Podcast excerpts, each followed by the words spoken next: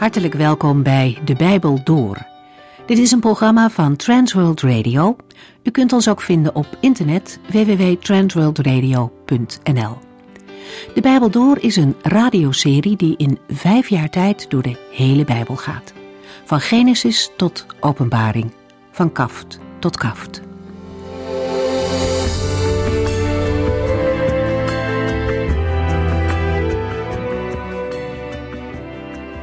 De profeet Hosea laat zijn lezers zien wat er in het hart van God leeft voor zijn volk. Gods grote en onophoudelijke liefde voor mensen zien we in dit Bijbelboek terug. In de vorige uitzending hebben we het eerste hoofdstuk van Hosea gelezen. En daarin krijgt de profeet een bijzondere opdracht van de Heere God. Hij moet met een prostituee trouwen. Hoewel sommige Bijbeluitleggers menen dat dit een symbolisch gedeelte is, gaan wij daar niet van uit. Gomer was een vrouw van vlees en bloed die het niet zo nauw nam in haar omgang met mannen. Hosea trouwt met haar en heeft haar van harte lief, ook al lijkt dat soms onbegrijpelijk. Het huwelijk van de profeet is een beeld van Gods verbondtrouw met zijn volk Israël. De Heere houdt onvoorwaardelijk van zijn volk, maar krijgt ook voortdurend te maken met de ontrouw en het overspel van Israël, dat naast hem andere goden dient. Gods liefde is zo groot dat hij onvoorstelbaar veel verdraagt en vergeeft. Maar Hosea laat ook zien dat echte liefde niet alles goed vindt. In hoofdstuk 1 zien we dat Hosea en Gomer een zoon krijgen. Hij moet hem Israël noemen. In de namen van de kinderen van Hosea ligt een boodschap van de Heer. Hun tweede kind, een dochter, krijgt een naam die betekent geen medelijden meer. De Heere zegt hier dat hij geen medelijden meer zal hebben met Israël. Het is genoeg geweest. En de naam van het derde kind bevestigt dit. De Heere geeft aan dat ook van zijn kant uit de relatie met Israël verbroken is. God is uit op herstel, maar hij kan de zonde van zijn volk niet zomaar naast zich neerleggen. Maar het verhaal eindigt hier niet. De Heere laat Hosea ook profeteren over een tijd waarin de relatie tussen God en Israël weer goed zal zijn. Een tijd van herstel en een tijd van zegen. Dan zullen zij weten dat zij kinderen zijn van de levende God. En na deze vooruitblik plaatst hoofdstuk 2 de lezer terug in de tijd waarin de verhouding tussen Gomer en Hosea nog niet goed is. En daar gaan we nu naar kijken.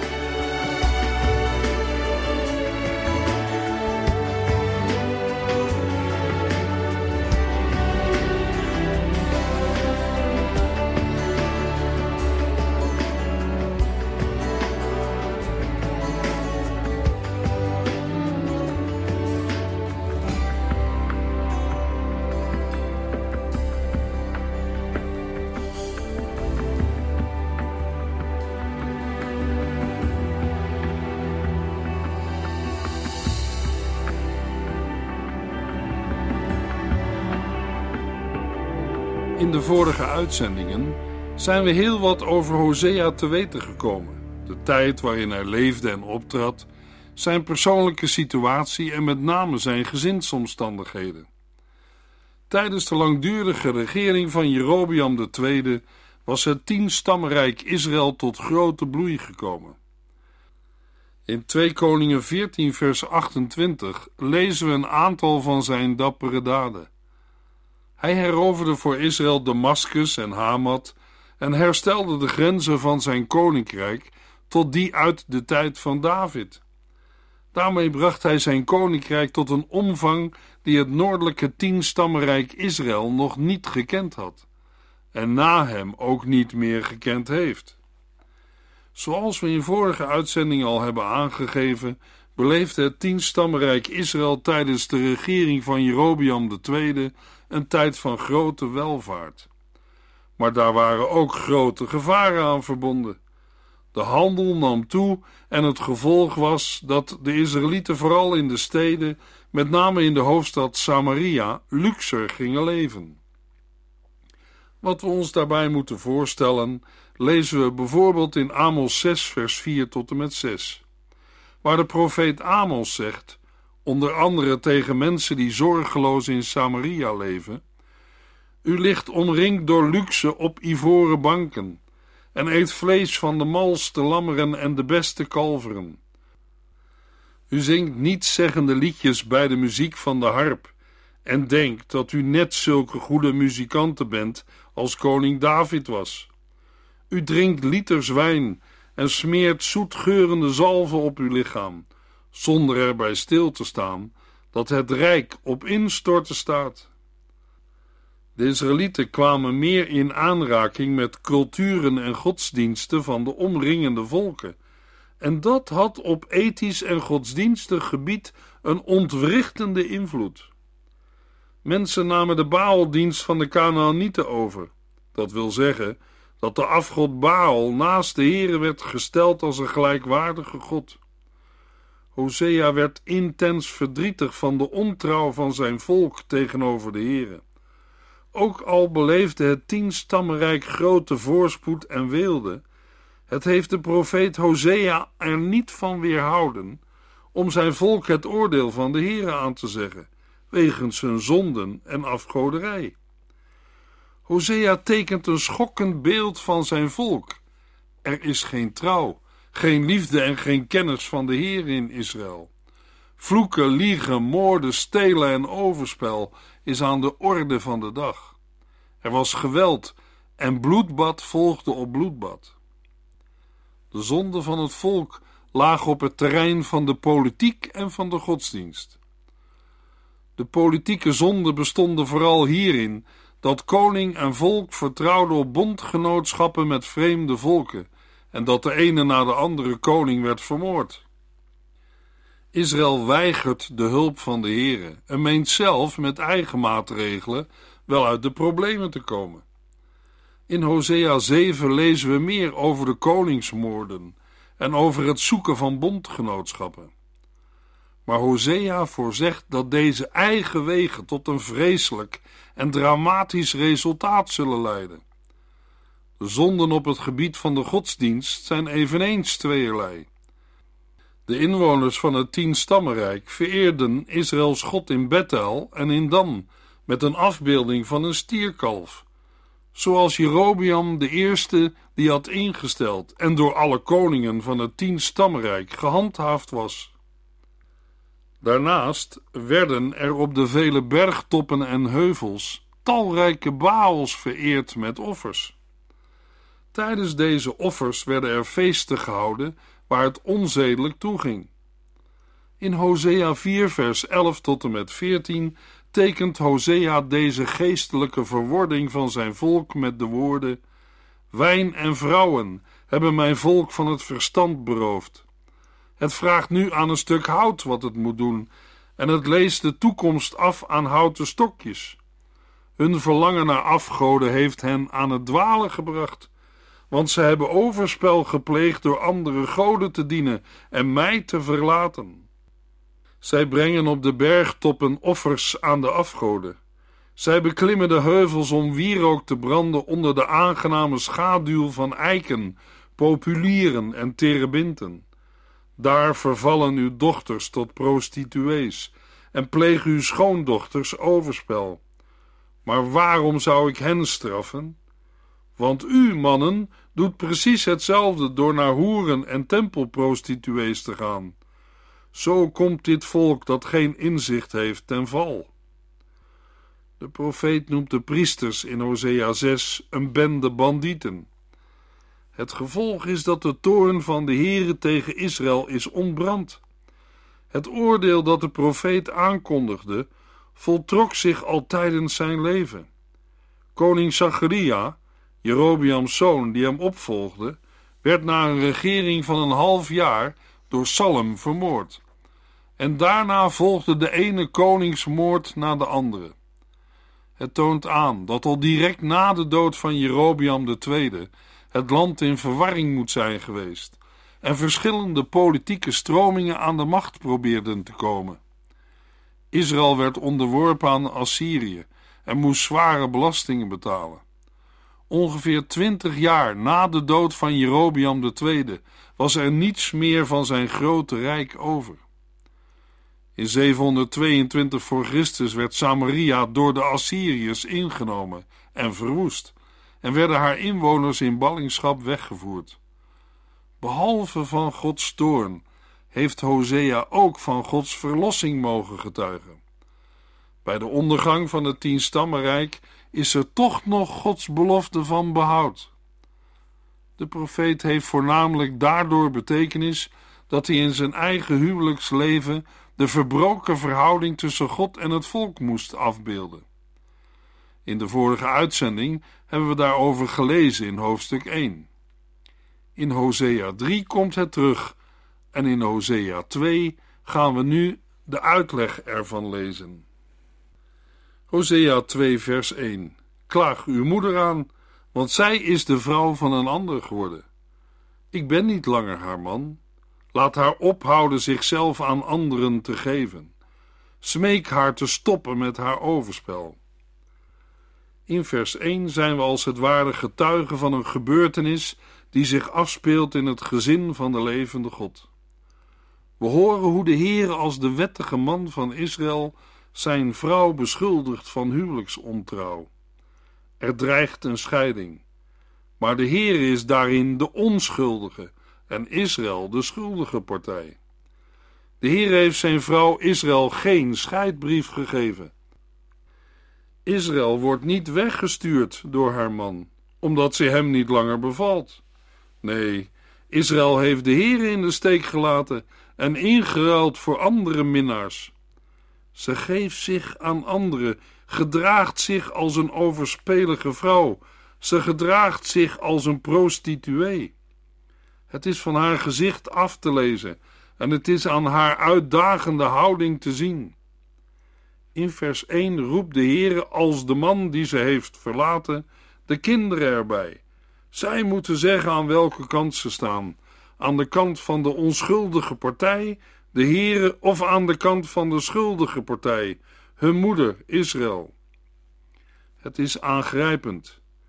Bij een echtscheiding zijn kinderen vaak te dupe.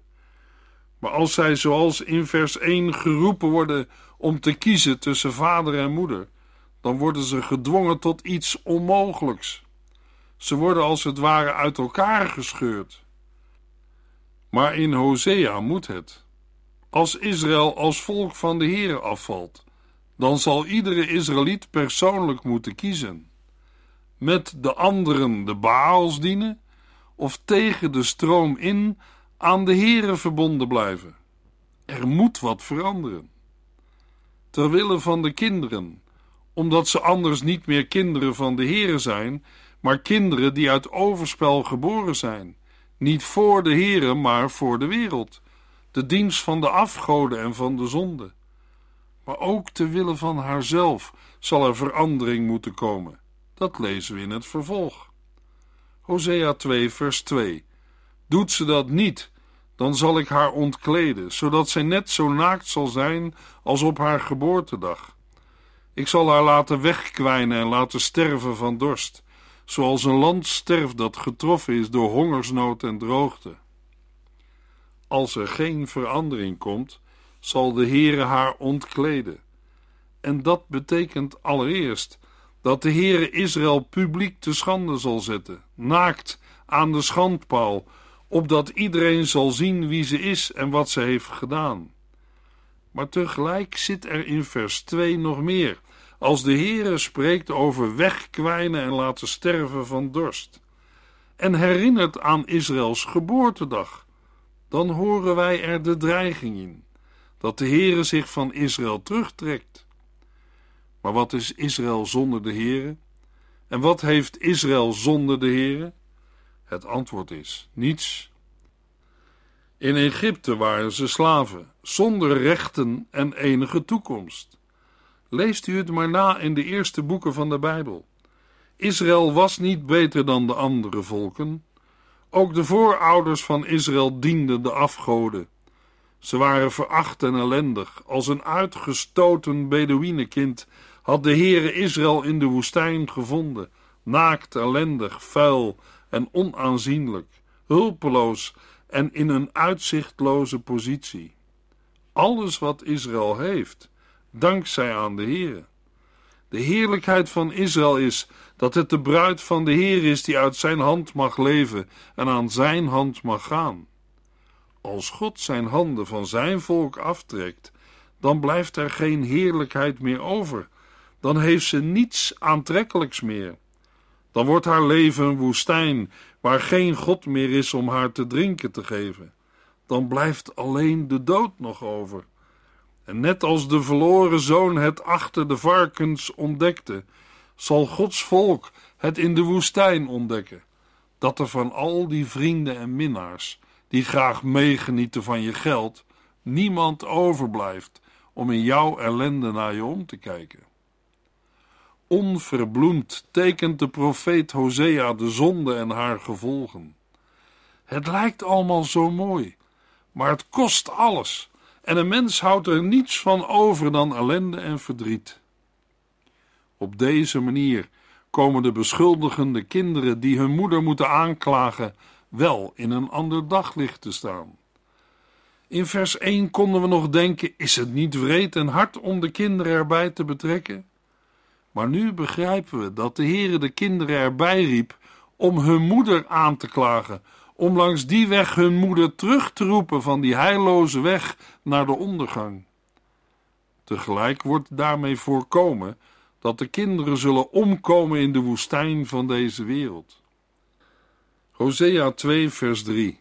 Ik zal mij niets aantrekken van het lot van haar kinderen, want zij zijn niet van mij. Het zijn kinderen van een onbekende vader. Kinderen van een onbekende vader zijn kinderen die uit ontucht zijn geboren. Op een andere manier horen wij weer woorden uit Hosea 1, namelijk Lo Ami en Lo Rugama. Het is de uiterste consequentie van het de Heere de rug toekeren. Van de woorden waar vers 2 mee begint, doet ze dat niet, dan zal ik haar ontkleden. Met andere woorden, dan zijn het Gods kinderen niet meer. Hosea 2, vers 4. Want hun moeder heeft overspel gepleegd. Zij die hen onder haar hart gedragen heeft, heeft zich schandelijk misdragen. Want zij zei: Ik wil andere mannen achterna lopen en mijzelf verkopen voor voedsel, drank en kleren. Het is duidelijk dat het niet goed zit tussen de Heer en zijn volk. Maar waarin bestaat hun overspel nu precies? Dat lezen we een aantal keren in vers 4, 7, 8 en 11, waar we lezen over de rijkdom en welvaart waarin Israël mag delen. De akkers geven overvloedige graanoogsten en de wijngaarden leveren een rijke oogst aan druiven. Er is water en olie, twee van de belangrijkste levensbehoeften in het Midden-Oosten. Aan kleding is er geen gebrek dankzij de wol die de schapen leveren en de vlasoogsten van het land. En door de handel in al deze producten beschikt Israël over zilver en goud. Ze hebben het goed. De Heere zorgt rijkelijk voor zijn volk. Maar in plaats dat Israël de Heere voor al zijn goedheid dankbaar is en beleidt met de woorden uit Psalm 24: De aarde en al haar rijkdom zijn van de Heere, spreekt Israël van mijn wol en mijn koren. In vers 7 lezen we: Zij beseft echter niet dat al wat zij bezit van mij kwam. Ik was het die haar koren, jonge wijn en olijfolie gaf. Van mij kreeg zij al het zilver en goud dat zij nota bene gebruikte voor de verering van haar afgod Baal. Luisteraar, als wij deze woorden lezen, dan kunnen wij elkaar de vraag stellen: wat doen wij met ons geld en bezit? Ook daarvan geldt dat wij het van de Heere hebben gekregen, om rentmeesters te zijn tot eer van zijn naam. De woorden uit dit gedeelte raken ook ons leven. En wat zal de Heere nu doen na de woorden in vers 4? Want zij zei: Ik wil andere mannen achterna lopen en mijzelf verkopen voor voedsel, drank en kleren. Tot tweemaal toe lezen we er iets over in Hosea 2, eerst in vers 5. Daarom maak ik haar weg onbegaanbaar. Ik ga haar opsluiten achter een muur. Dan zal het voor haar onmogelijk zijn een pad te vinden dat naar haar minnaars leidt. In Israël gebeurde het wel dat ergens dwars door het land heen langzamerhand een pad ontstond, omdat bijvoorbeeld een kudde schapen telkens op dezelfde manier door het land heen liep.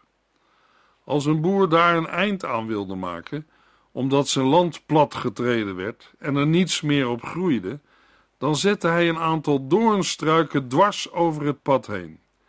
Daarmee verdween het pad en werden de illegale gebruikers ervan weer op het rechte pad geleid. In vers 5 doet de Heere soortgelijke dingen. Hij gaat de weg, het platgetreden pad van Israël, onbegaanbaar maken. U begrijpt de bedoeling van de Heere.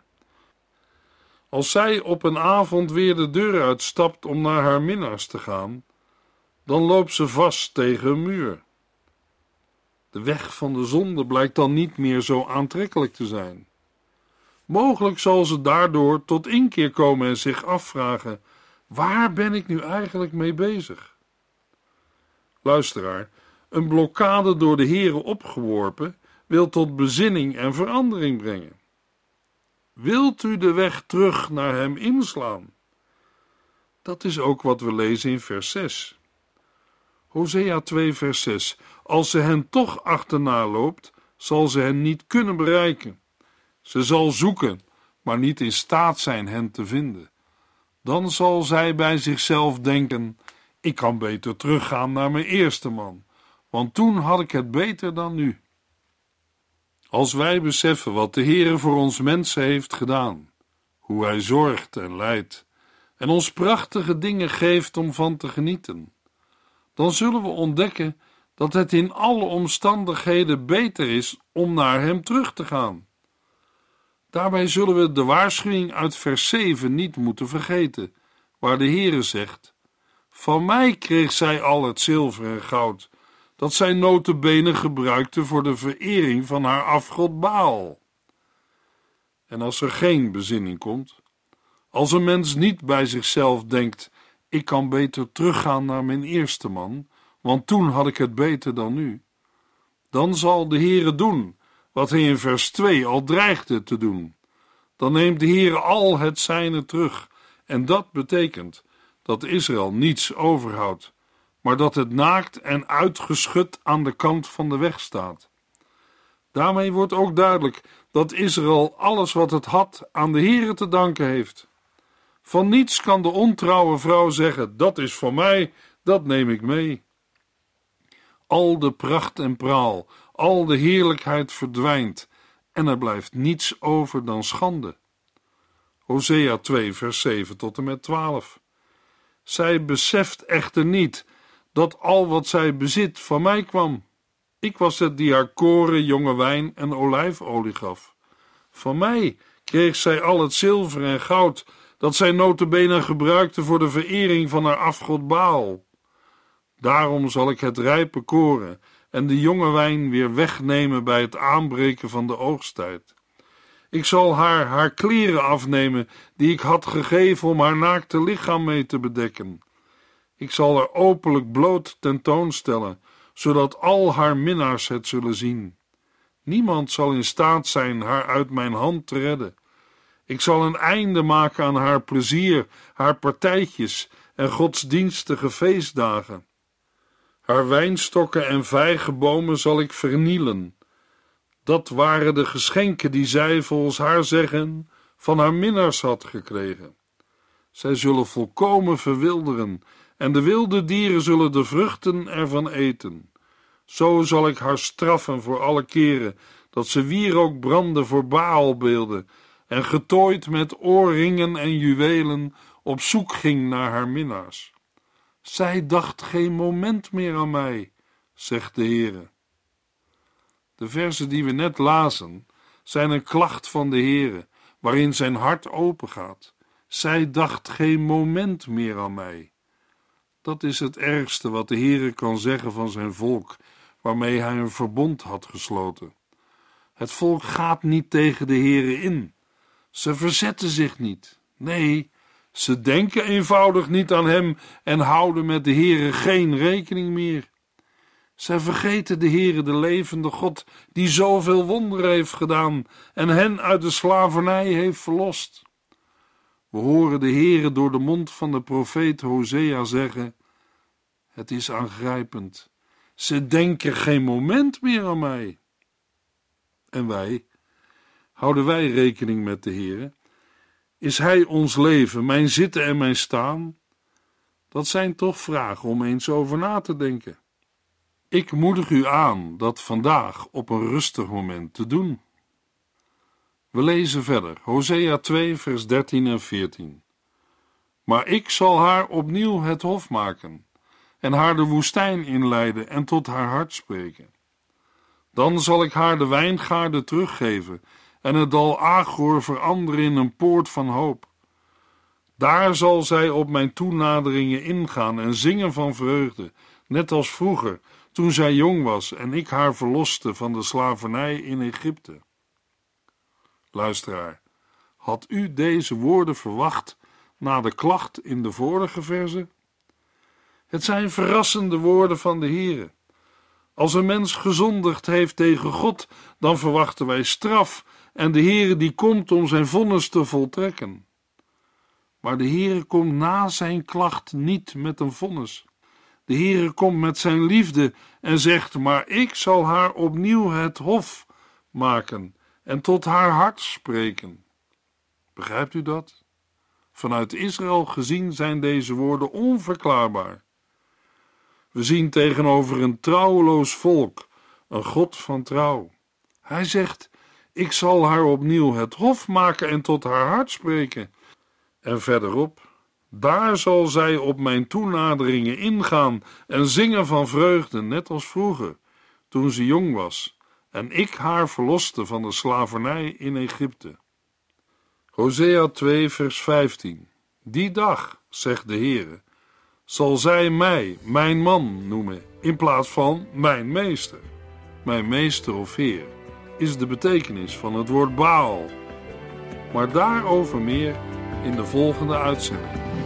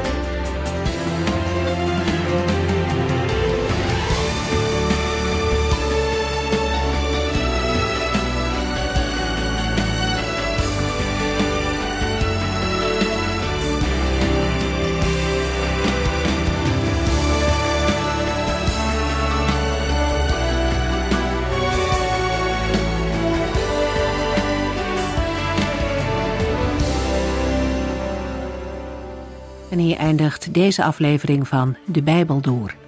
Een serie programma's van Transworld Radio.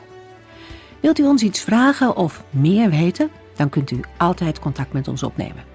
Bellen kan overdag met 0342 478432. Per post Transworld Radio.